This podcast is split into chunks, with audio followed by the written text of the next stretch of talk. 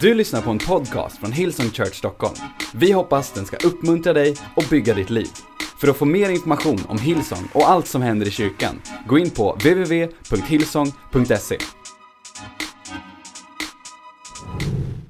Så eh, förra året så var vi på Fryshuset och vi hade bokat Fryshuset i år igen och vi skulle ha Revival Night där. Och, men i höstas upplevde jag, och ni som är med i vår kyrka, ni vet att det är inte någonting som jag säger ofta eller säger lätt, men jag upplevde att Gud började tala till mig.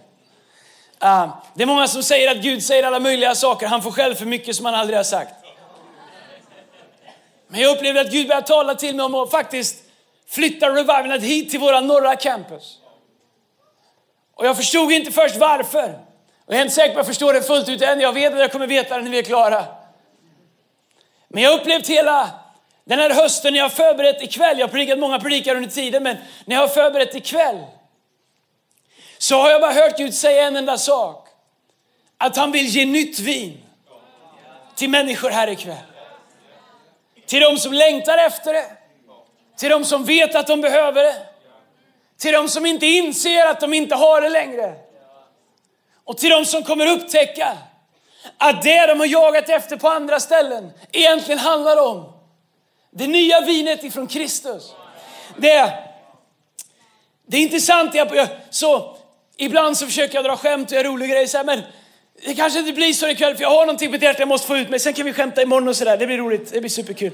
Men, men, men i Apostlagärningarna kapitel, 8, kapitel 1, vers 8 så står det så här.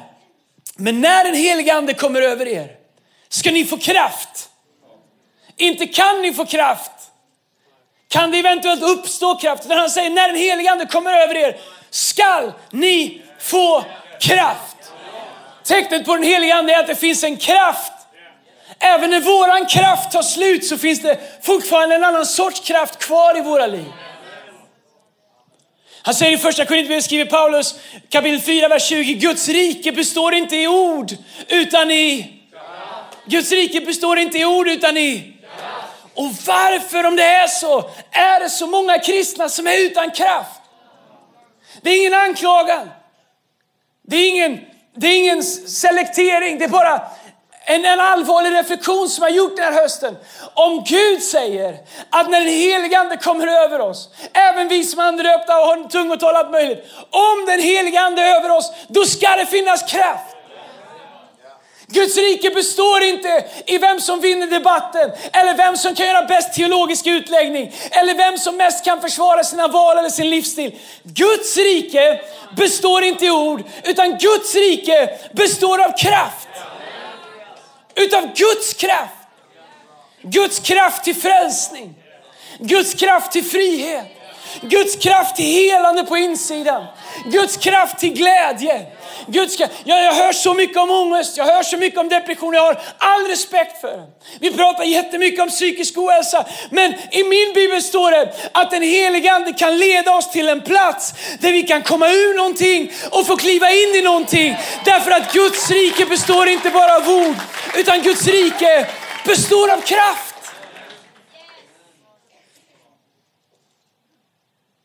Johannes evangelium 14, vers 16 så står det så här, Jesus, han talar om det här i, i, i, i slutet, han är på väg att åka tillbaka till himlen och han säger, jag ska be Fadern och han ska ge er, han ska ge er, inte kan, inte eventuellt, inte om du är god, inte om du är fin, om du, han, han ska ge er en annan hjälpare som ska vara hos er när ni har varit i kyrkan alla söndagar på ett år.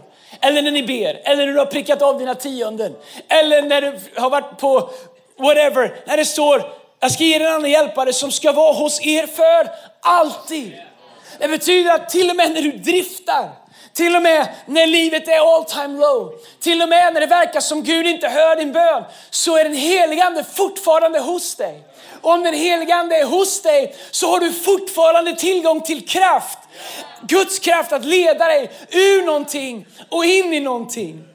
Sanningens ande. Världen, häng med nu. Det blir Bible bootcamp här ikväll. Världen kan inte ta emot honom. För världen ser honom inte och känner honom inte. Ni känner honom. Han Kan hon öppna det? Kan vara den helige ande som vill komma in. Ni känner honom, för han förblir hos er och ska vara i er. All right, häng med nu. Det verkar som att det inte är några utmaningar för Jesus att ge oss den helige ande. Han säger det, jag ska be Fadern och han ska ge er. Det verkar vara den lätta delen för Jesus att ge oss den helige ande. Men utmaningen verkar vara för oss att ta emot honom och leva i honom. Jesus ger den till oss. Man skulle kunna säga så här. Jesus ger den helige ande till oss. Men vi bygger ett hem för honom. Jesus ger oss den helige Ande. Bibeln säger att han ger den helige Ande utan att mäta. Det finns ingen han ger den med. Här, här, här. Den helige Ande kommer fullt ut, 100% den helige Ande. Jesus ger oss den helige Ande. Men vi bygger ett hem åt honom. Vi bygger en tillvaro för honom. Vi, vi bygger ett samarbete med honom, vi bygger en relation med honom och det är där som magin uppstår. Det är ingen skräll eller något starkt att Jesus som har skapat himmel och jord kan ge oss den helige Ande. Nej, det som är specifikt och det som är, det som är revolutionerande, det är att vi kan bygga någonstans där den helige Ande faktiskt vill vara. I Matteus kapitel 9, vers 17 så säger Jesus det här, det här är fascinerande. Han säger det i Matteus, han säger det i Markus, Lukas och Johannes skriver om det också, om det nya och det gamla vinet. Och låt mig använda den här metaforen om det nya och gamla vinet som en bild på den Helige Andes arbete i vårt liv. Så står det så här i Matteus 9 och 17. Om man häller, eller och står det till och med, och man häller inte nytt vin i gamla säckar. Alltså vinsäckar. I så fall sprängs säckarna och vinet rinner ut och säckarna förstörs. När nytt vin häller man i nya säckar. Då bevaras både vin och säckar. Okej, okay. det här skrevs i en kontext där, där, eh, där vin var en, eh, en, eh, en, en stor del av, av, kulturen. Och det sätt som man hade, man hade ju inte glasflaskor och man hade inga glasblåsare på det sättet. Så man använde säckar för att ha vinet i. Ja, inte än, men alldeles strax ska jag visa er en bild. Lägg inte upp den än. Det blir pedagogiskt fel. Det man gjorde var att man använde hud, ofta från jätter eh, eller från en bagge.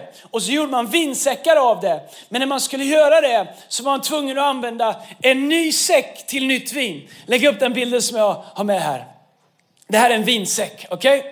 ifrån den perioden. Det här är en, eh, eh, det här är en bagge, kan man tacka, men oftast bagge. Det man gör, jag ber om ursäkt, det är inte jag som har gjort det här. Här har det suttit huvud längst nere där och där uppe har det varit fötter. Okej. Okay. Det är en vinsäck. Så det är ingen sån där som du har sett på Asterix, att det är någon sån här fin liten bälg med en pip med en kork på. Det här, men ta, få tillbaka min säck. Jag, jag har googlat i tre dagar efter den här. Det här är en vinsäck. Nej, här är grejen. Man kan bara använda dem en gång. Om man vill hälla i nytt vin i dem. När man häller i, i en sån här så häller man i nytt vin tills den blir sprängfull. Det som händer sen, det är att vinet börjar jäsa och expandera. Om det är en gammal vinsäck så har den hunnit torka.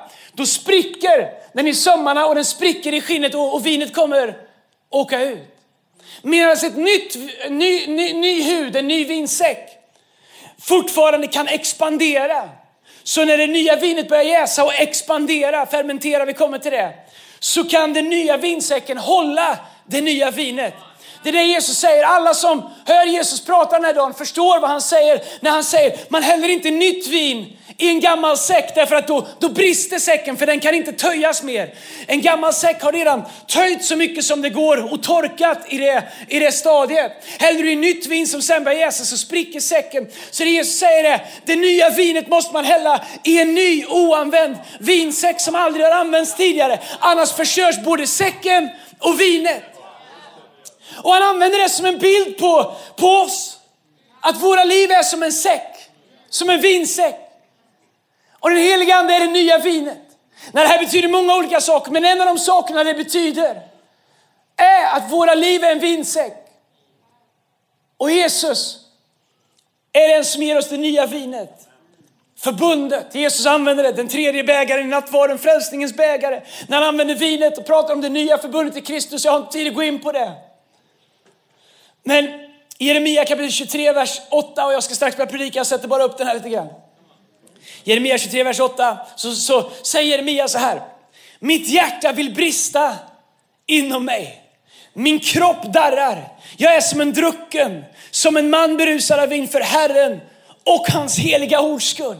Det här är Jeremia innan Jesus säger att jag ska gå till himlen, jag ska ge er en annan hjälpare. Jeremia han hör Guds heliga ord och det han säger är, han, han säger att mitt hjärta vill brista, jag håller på att gå sönder.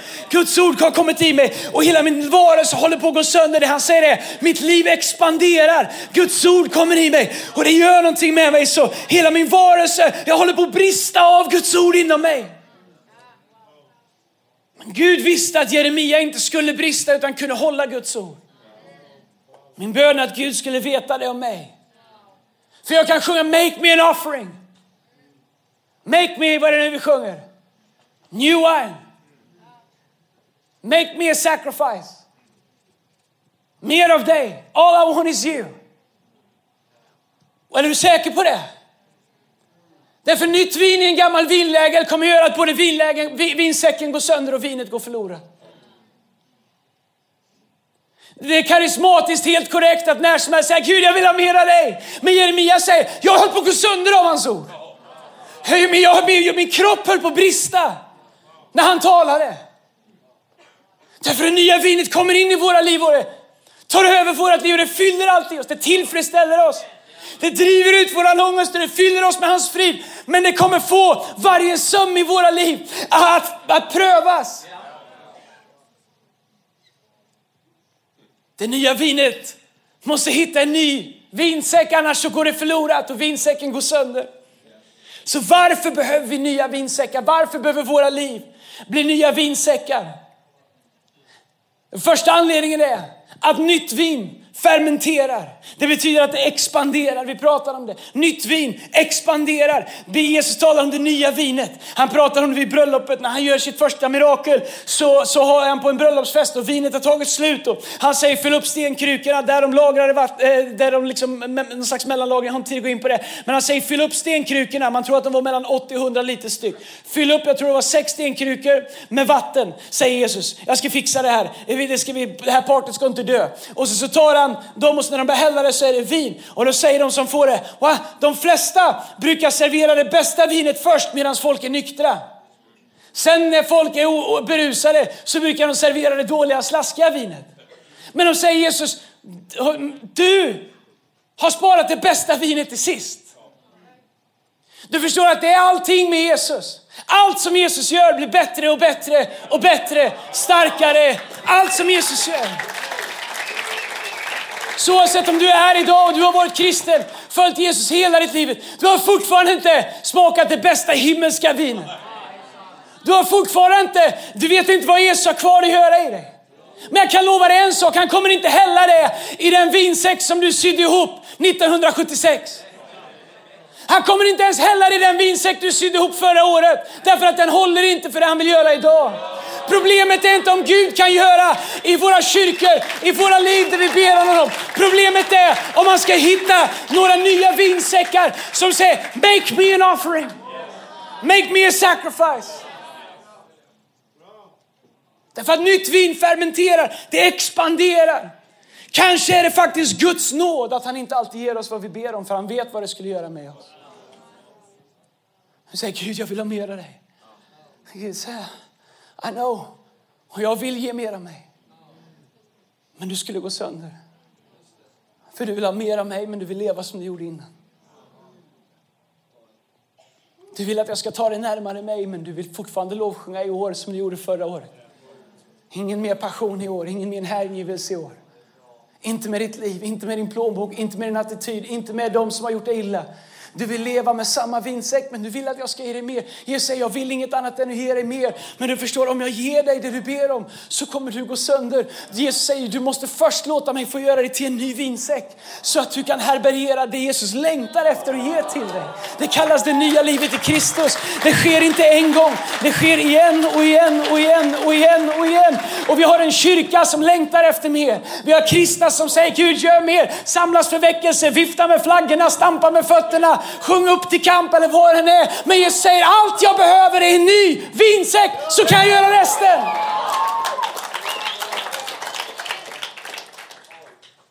Gud letar efter människor som är villiga att låta Gud göra någonting nytt i dem så att han kan fylla dem med det nya vinet ifrån den heliga Ande. Den heliga Ande kommer att stretcha dig och expandera dig. Och när han fyller dig som mest så kommer du säga, Gud det var inte det här jag bad om. Den Ande säger, det var exakt det du bad om. Därför att det Gud deponerar i dig kommer börja växa. Det finns inget liv som kommer till den här världen utan att saker stretchas. Rickard Backlund, vår campuspastor i Göteborg, fick en dotter för några dagar sedan. Den finns. Hans dotter finns för att hans fru Rebecka var beredd att låta hennes kropp stretchas. Pain is always preparation for destiny. Stretch is always the way to increase. Så Jesus letar efter människor som inte bara vill be honom om det nya vinet, men som vill låta det nya vinet få expandera i dem. Det andra jag ser i den här texten är att nytt vin kommer in i vårt liv när vi tröttnar på det vi har. När vi är tillräckligt trötta på, vårat, på hur vårt äktenskap är och ställer oss frågan, vad ska jag göra åt det? När vi är trötta på att leva i de förhållanden som vi har och, och, och Gud säger, jag vill gärna göra någonting, men vad är du beredd att låta mig få göra i dig? Så jag har ofta i mitt eget liv upptäckt att när Gud verkligen gör någonting i mitt liv är det när jag kommer till en plats när jag är så trött på det jag har. När jag är så trött på att jag inte har mer uppenbarelse, när jag är så trött på att jag faller på samma ställe varje gång. Fast jag säger till Gud, aldrig mer. Det är någonting när vi tröttnar på det vi återkommande gör. Omständigheter, situationer, tankebyggnader. Hur vi använder våran tunga, attityder, hjärtats inställning. När vi tröttnar på det vi har. Det är som en landningsbana för det nya som Gud vill göra. Men vi kommer aldrig söka det nya förrän vi är fed up med det som vi har idag. Det tredje jag ser i den här texten är att det som var nytt förut är gammalt idag. Vi, de som är karismatiska, åh vi älskar det. Och det som var, åh om det bara var som förr. Åh om Gud kom som förr. Som förr! Jag vill inte ha något som har hänt. Kom ihåg när jag kom hem till Sverige från USA. Ska börja jobba här i den fantastiska rörelsen som är en del av. Åh Andreas, ska med på 30-talet och plantera så många kyrkor. Ja, då var jag inte född och inte min pappa heller. Inte någon... Så det är synd att jag missade det. Ja, det är dumt att man föddes under loser-eran då helt enkelt. Jag tänkte säga, kan jag bara få föreslå en tanke till dig? Gud är alfa och omega, han fanns före allt, han finns nu, han finns efter allt. En dag är som tusen dagar, tusen som en dag. Han är omnipresent, han är överallt samtidigt. Han, var, han pikar inte på 30-talet. Han pikar jämt. Gud pikar hela tiden. Han är en enda stor pik. Allt han gör är att pika. Vår bästa tid är nu. Come on somebody. Den är alltid nu. Det är därför han säger se, jag gör något nytt. Men du förstår, i Josua kapitel eh, 9, vers 12. Och vi är ett helt gäng som gör the shred. Man läser Bibeln på 90 dagar, eh, 30 dagar. Eh, några gör det på 90, men de flesta av oss på 30 dagar. Awesome! Eh, några av oss kör den på audio med dubbel hastighet, men vi tar oss igenom. Whatever it takes baby.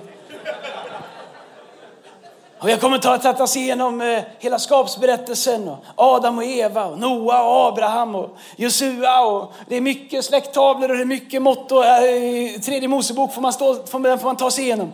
Eh, intressant är dock att det finns de två böckerna som Jesus refererar mest till i hela Bibeln är Psaltaren och tredje Mosebok. Så den är värd att läsa. Du får det. Jag bara skicka med det. Men jag fascineras över när Josua ska leda folket in i löfteslandet. Och i Josua kapitel 9, vers 12 så står det så här. Det här brödet var varmt och kom direkt ur ugnen när vi gav oss iväg. Men som ni ser är det nu torrt och smuligt. Det var varmt. Vi tog det direkt ur ugnen när vi skulle fara. Men nu är det torrt och smuligt. De här vinsäckarna var nya när vi fyllde dem. Men nu är de gamla och spruckna. Och våra kläder och skor har hunnit bli utslitna under våran långa resa. Det här talar till mig om det jag kan inte leva idag på en gammal upplevelse av den heliga Ande. Ingenting i mitt liv vill skruva tillbaks tiden till 1970 kallt när Gud var så magisk och gjorde så stora saker. Men vet du vad dig? Vi kristna vi har så lätt att cementera oss i någonting som Gud har gjort i våra liv. Så att resten av vårt liv handlar om att försöka återskapa det ögonblicket. Återskapa hur det kändes. Det är något märkligt med människor som är borta från Gud, kommer tillbaks till en relation till Gud. De vill att allt ska vara som det var när det var som bäst för 15 år sedan och struntar fullständigt att resten av oss som inte har varit borta från Gud, vi har fortsatt. Vi är inte kvar där. Vi, vi har hört trumpeten ljuda och gått vidare. Du vet så här, vi, livet snurrar vidare. Det Gud gjorde i ditt liv för 15 år sedan var magiskt. Men det är torrt idag. Det Gud gjorde på ett ungdomsmöte på ett läger när du var förra året ljud. Det Gud gjorde i er på Summercamp förra året var magiskt. Det är som de säger, man tog brödet ur ugnen och det var färskt, men nu säger de, nu när vi har rest en stund, nu är det smuligt och torrt. Vi kan inte leva våra liv på en summer camp experience en gång om året. Nej, Gud vill att vi ska äta färskt bröd varje dag från honom. Att det ska finnas nytt vin, ny helig ande i våra liv varje dag. Faktum är att Gud behöver inte ens möta oss som han gjorde förra gången han mötte oss. Johannes 3.34 står det så här. Den som Gud har sänt talar Guds ord. För Gud ger anden utan begränsning. Jag älskar det bibelordet. Egentligen borde man bara göra en mic drop och sätta på, eh, be Erik sätta på synten.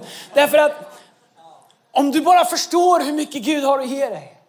Om du förstår att, att Gud har orkestrerat det här ögonblicket i, i, i livet när du lever. Stjärnorna står rätt, alla hans planer rätt, Han har orkestrerat det här ögonblicket. Och en kväll som den här, när du tror kanske att du är här av en slump, men den helige Ande har lett dig hit och Gud har ett opportunity att få ge dig av det nya vinet, så är det inte så att han tänker, jag kanske kan få in en sked. Nej, Gud tänker så här, jag, har, jag kan ge utan att mäta. Det jag har liksom inte så här, ja du har varit så här god, du får en deciliter. Ah, du har inte varit så bra, du får en centiliter av den helige Ande. Nej, nej, Gud mäter inte den helige Ande. Det är all inclusive, in, inklusive efterrätt och fika och allt som finns när Gud gör det. Men så ofta så nöjer vi oss med, kära Jesus. Kära Gud. Kära Gud. Jag ska sucka lite.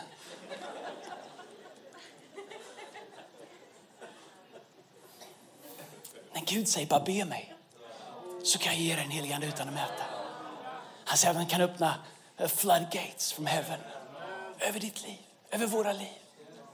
Men någonstans ska det ta vägen. Israel levde inte på går, kunde inte äta gårdagens manna. När, när Gud gav Israels folk mat att äta i öknen så sa han, ni, ni kan inte spara det som ni plockar, mannat brödet ni plockar idag till att äta det imorgon. Imorgon är det mögligt, imorgon är det kass. Varje morgon var de tvungna att gå ut. Varför skulle de göra det varje morgon? Därför att de varje morgon skulle påminna sig om att Gud förser den här dagen också. Gud är trofast den här dagen också. Vi kan, det spelar ingen roll hur mycket vi har bunkrat upp av gårdagens manna. Den är torr, den kommer kommer inte ge dig vad du behöver. Men jag lovar dig, varje morgon när du vaknar kan du säga tack gode Gud. Du är livets bröd. Det finns manna för mig idag. Du är den heligande i mitt liv. Tack för det nya vinet i mitt liv idag. Tack att jag lever i det nya förbundet i Kristus. Jag behöver inte, det kanske inte blev som jag tänkte igår. Men tack Jesus att när jag vaknar idag så finns det nytt manna. Det finns nytt bröd för dig idag. Det finns nytt liv, det finns, ny, finns ny ande för dig idag. Det fjärde jag ser i texten är att nytt vin kräver en längtan. Problemet när jag har punkter är att jag predikar alla först innan jag kommer till punkterna. Men nytt vin kräver en längtan om att få bli en ny vinsäck. Jag funderar ibland på vad vi missar utav Gud för att vi lever i gamla vinsäckar. En sak har jag upptäckt med Gud och den helige Ande. Gud tycker att anden är dyrbar. Och Gud tycker att priset som Jesus betalade för att den helige Anden skulle kunna finnas i våra liv var högt. Gud tyckte att det var high stakes att ge sin egen son. Det kostade Jesus jättemycket att stå i Johannes 14 och säga jag ska ge er en annan hjälpare. Han ska vara hos er alltid. Vinet är dyrbart. Anden är dyrbar. Gud kommer inte splasha med den. Gud kommer inte ta det som en flaska och hoppas att den träffar någon. Nej, nej, nej. De dropparna räknas. Han ger dem gärna utan att mäta. Det är en kran som aldrig tar slut. Han är inte snål med det så att han tänker det här är dyrbart, du får bara en liten droppe. Nej, han säger du får så mycket du vill. Men det är dyrbart, varje droppe. Därför att Jesus har betalat med sitt eget liv för varje droppe av det här nya vinet som anden ger. Jag ser i den här texten att, och det här jag vill börja landa, först utav många, men vi betalar för det nya med det gamla. Priset för det nya livet är det gamla livet. Priset för det nya vinet är det gamla vinet. Priset för den nya vinsäcken är din gamla vinsäck. Det är den enda vägen fram och den enda vägen igenom. I Jesaja kapitel 43, vers 18, en vers som alla älskar. Så, så, så, så säger, profeterar Jesaja, han säger glöm det som har varit, bli inte kvar i det förgångna. Och så kommer vi till det vi älskar. Nu gör jag något nytt. Det spirar redan. Ser ni det inte? Jag ska göra en väg i öknen och strömmar ödemarken. Men allt det där att han gör något nytt, det är ju helt värdelöst om man inte förstår vad som står först. Vad säger han först? Glöm det som har varit. Bli inte kvar i det förgångna. Han kommer säga, jag kommer inte addera till det som har varit. Han säger om du släpper taget om det som har varit, välsignelser, misslyckanden, din success, dina failures, då kommer en ny väg. Han säger inte håll kvar det du vill och följ med mig på en ny väg. Det är liksom inte så det funkar. Han säger om du glömmer det som har varit. Vet du vad som är en av de svåraste sakerna att släppa taget om? är success. Präktighet. Svårt att släppa taget om att jag är ju ändå ganska okej. Okay. Jag är ju ganska bra. Jag är i alla fall bättre än honom. I alla fall bättre än pastorn i Det är inte så svårt att vara det, men det. Men då tänker jag på Tobbe Gar. Den kristnaste vi har i hela Hillsong. Men du förstår vårt högmod av att jag har inte så mycket jag behöver ge upp. Jag undrar om det inte oftast är det som står i vägen för det nya som Gud vill göra. Alltså, Han säger glöm det som har varit. När Gud säger kom du och tjäna mig. När lärjungarna börjar prata med Jesus, hur blir det med den, hur blir det med den, hur blir det med den? Och Jesus säger, vad rör det er? Följ ni mig. Ibland när vi kommer inför Gud och, eller vi är med och vi tjänar Gud, vi kanske jobbar i team eller vad du än är med i. Eller vart du nu tjänar Gud i din vardag och Gud ber dig göra saker och säger Gud kommer du ihåg vad jag redan har gjort? Och Gud säger nej. Helt ointressant vad du har gjort. Det är gårdagen. Den ska du glömma. Det är borta. Nu har jag en ny väg för er. Och så samlas vi och ber om nya saker. Men är surrade till det som har varit när det är bibelordet i Jesaja som handlar om att Gud vill ge oss en ny väg. Att han säger, nu gör jag någonting nytt. Come on somebody. Det spirar redan, han säger det är redan på gång.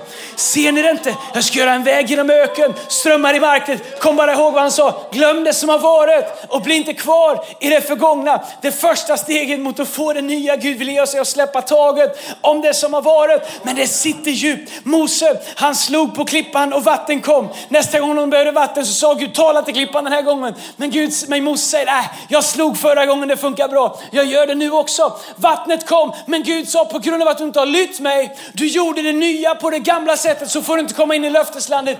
Gud menar vad han säger. Det här är liksom ingen så här kanske-bok. Det här är Guds ord. Gud menar vad han säger, han säger glöm det som har varit. Men vet du vad som är the beautiful thing med det? Det är att oavsett om du har haft ditt sämsta år 2019 så säger han, glöm det. Där kanske har du människor som gärna påminner dig om misstagen du gjorde förra veckan eller för en månad sedan. Om synderna du har begått, om när du föll. Men Gud han, han löser det enkelt. Han säger glöm det. Ja, vi gör något nytt. Släpp taget om det som har varit. Vi gör något nytt. Gud kan inte göra något nytt när han har förlåtit dig om du inte förlåter dig själv. Om du inte släpper taget om det Gud har förlåtit dig för. Eller om du inte släpper taget om någonting som någon har gjort mot dig. Du sätter dig själv fri genom att förlåta de som har felat dig. Så att Gud kan göra det nya i ditt liv. Släppa taget om preferenser. Jag inser att jag inte kan komma till Gud med preferenser. Men säg en sak. Gud har preferenser. Gud har, min fru Lina, vi har varit gifta i eh, 18 år. We've been married for 18 years. 18 år. 18 år. 18. 17. Känns som en evighet. 18, 17, är, 17 år. Kan inte ens minnas livet innan dig. Um, I'm taking her home. Um, det jag upptäckte när jag gifte mig med Lina var att hon hade preferenser. Superjobbigt. Nej, men först, jag körde hela mitt förförarprogram med cab och rosor och restauranger och grejer och inget funkar. Det här är ju liksom bästa sidan i boken. Jag hämtar i en cab. Det ligger rosor på sätet. Jag har bokat bord på en restaurang. Wine and dine, vi ska göra det här bra. Han var totalt oimpad. Han bara, jag har inget kvar. This is it. Jag försökte en stund säga, kan vi ta en promenad? Jag bara, va? Vi har ju bil. Jag fattar, jag fattar ingenting. Var ska vi gå? Så kan, vi, kan vi ta en promenad? Vi har tagit en lång promenad tillsammans. Det var när vi blev ihop första kyssen. Men det var värt det, kan jag säga. Grabbar, take the walk. All right? Youth, inte ni. Eh, kvarteret uppåt. Eh. Men sen när vi gifte oss upptäckte jag att mitt kärleksspråk är att jag gillar att ge presenter. Jag gillar att ge henne saker. Jag köpte saker till henne, alla möjliga saker. Oh, tack. Jaha, tack. tack. Kostar lite det här kan jag säga. Vore bra om gratituden kunde matcha prislappen lite grann här. Tack. Efter många år berättar hon för mig att det finns något som heter kärleksspråk. Who would have known?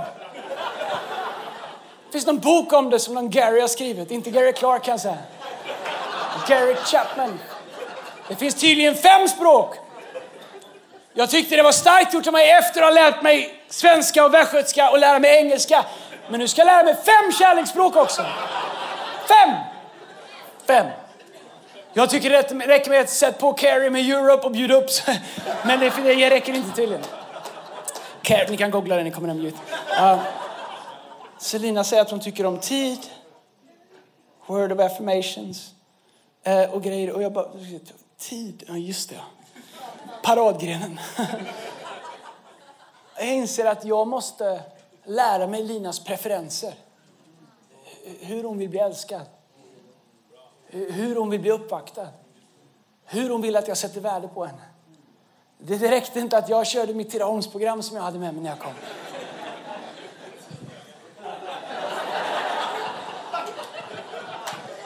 Sabia country eller dansband. Nej, jag var tvungen att lära mig. Vet, vet du, Gud, Gud har preferenser. Vi kan inte komma till Gud och lovsjunga och säga Gud, det här är vad du får av mig. Då. Tänk inte lyfta min hand till dig. Känner inte för det då. Känner inte för det då. Inser du att vi kommer inför en helig Gud som aldrig hade behövt skapa en väg mellan oss och honom. Läs lite Moseböckerna får du se hur det är när vi tar notan för våra egna fel. Det är inte vackert kan jag säga. Det är inget roligt, det är blodigt och det är elakt. Men Gud säger så här kan vi inte ha det. Jag måste skapa en väg. Det gjorde inte att Gud sa, jag måste bli lite mindre helig så att människorna kan relate. Inte alls. Så när vi kommer inför Gud så har Gud faktiskt preferenser hur han vill bli tillbedd. Han har preferenser hur han vill bli efterföljd. Han har preferenser hur han vill bli speglad ut i samhället av de som är hans kropp. Gud är full av preferenser.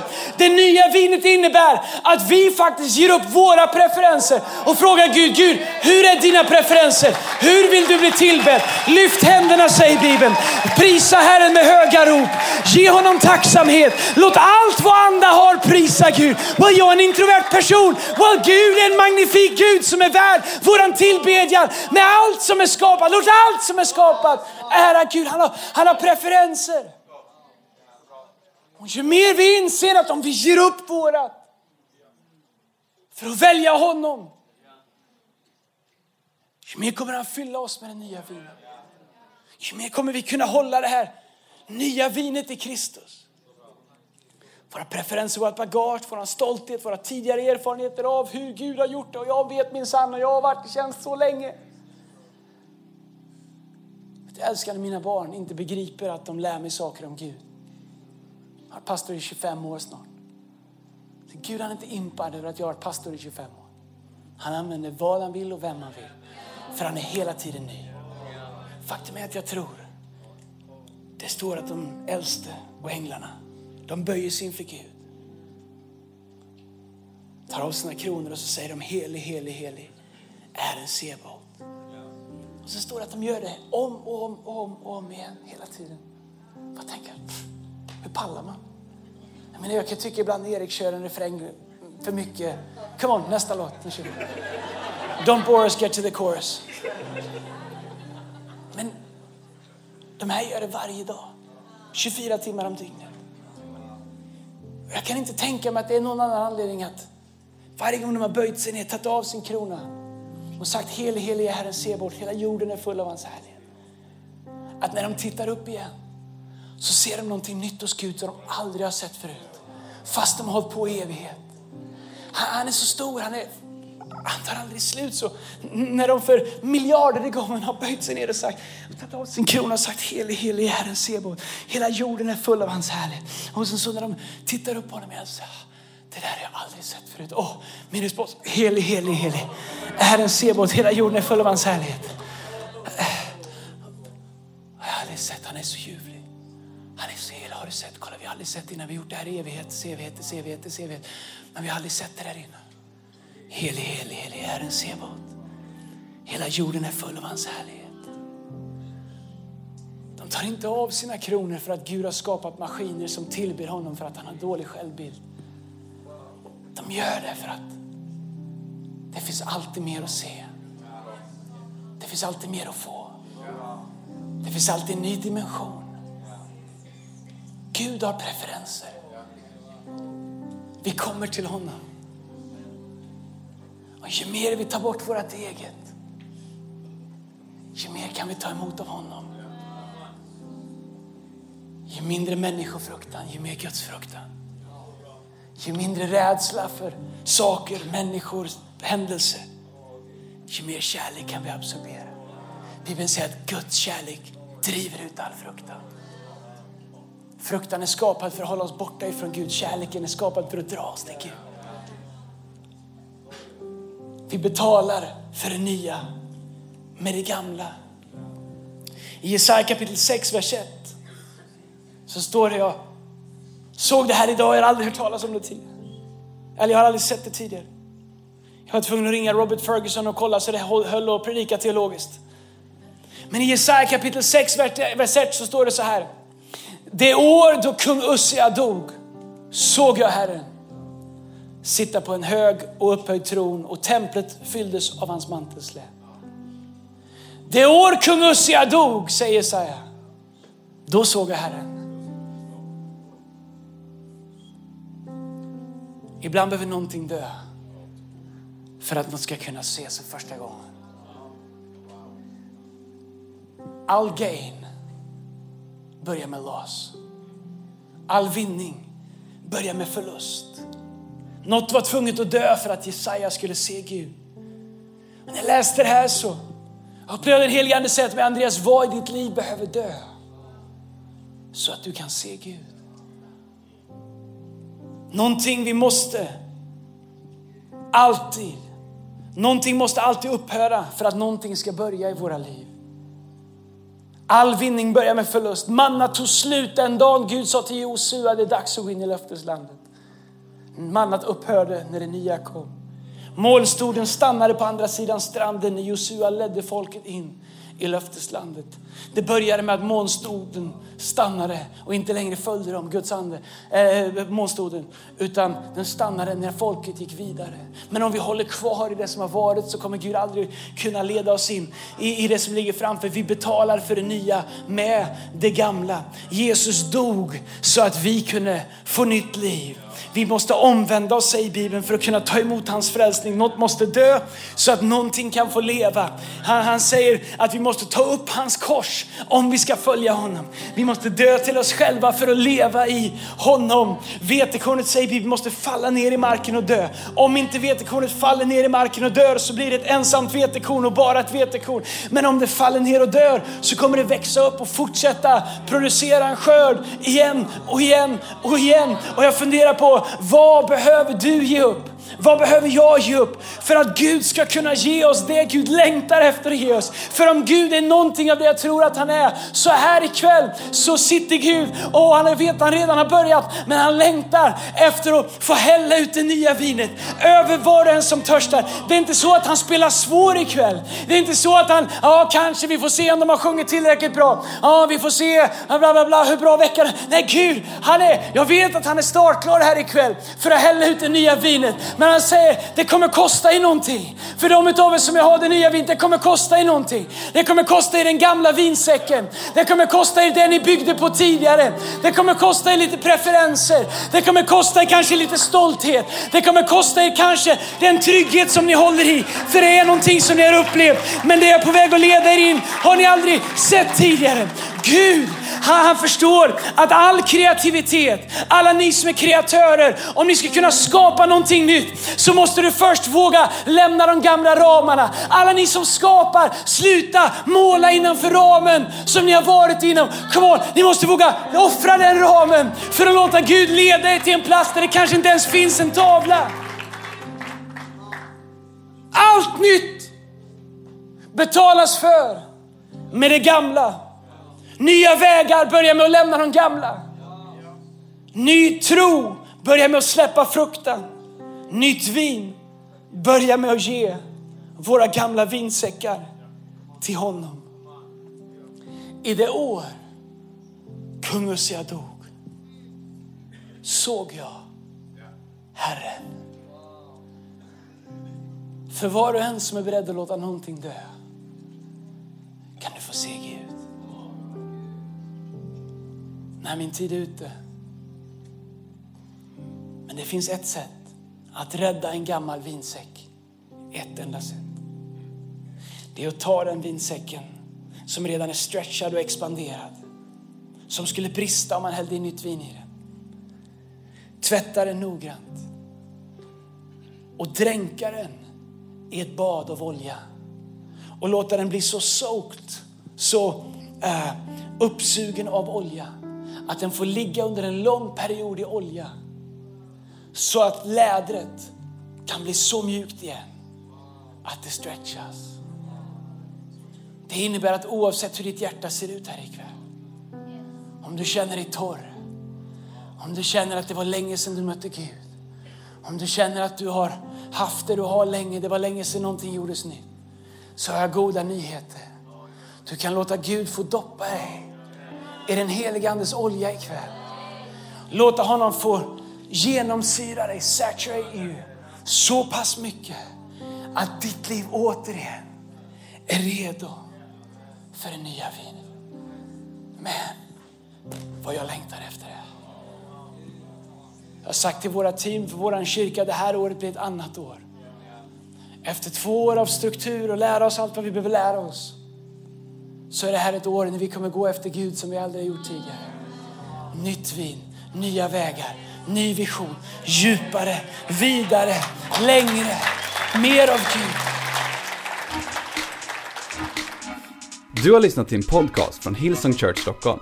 Om du vill veta mer om vår kyrka eller om våra söndagsmöten, surfa in på www.hillsong.se.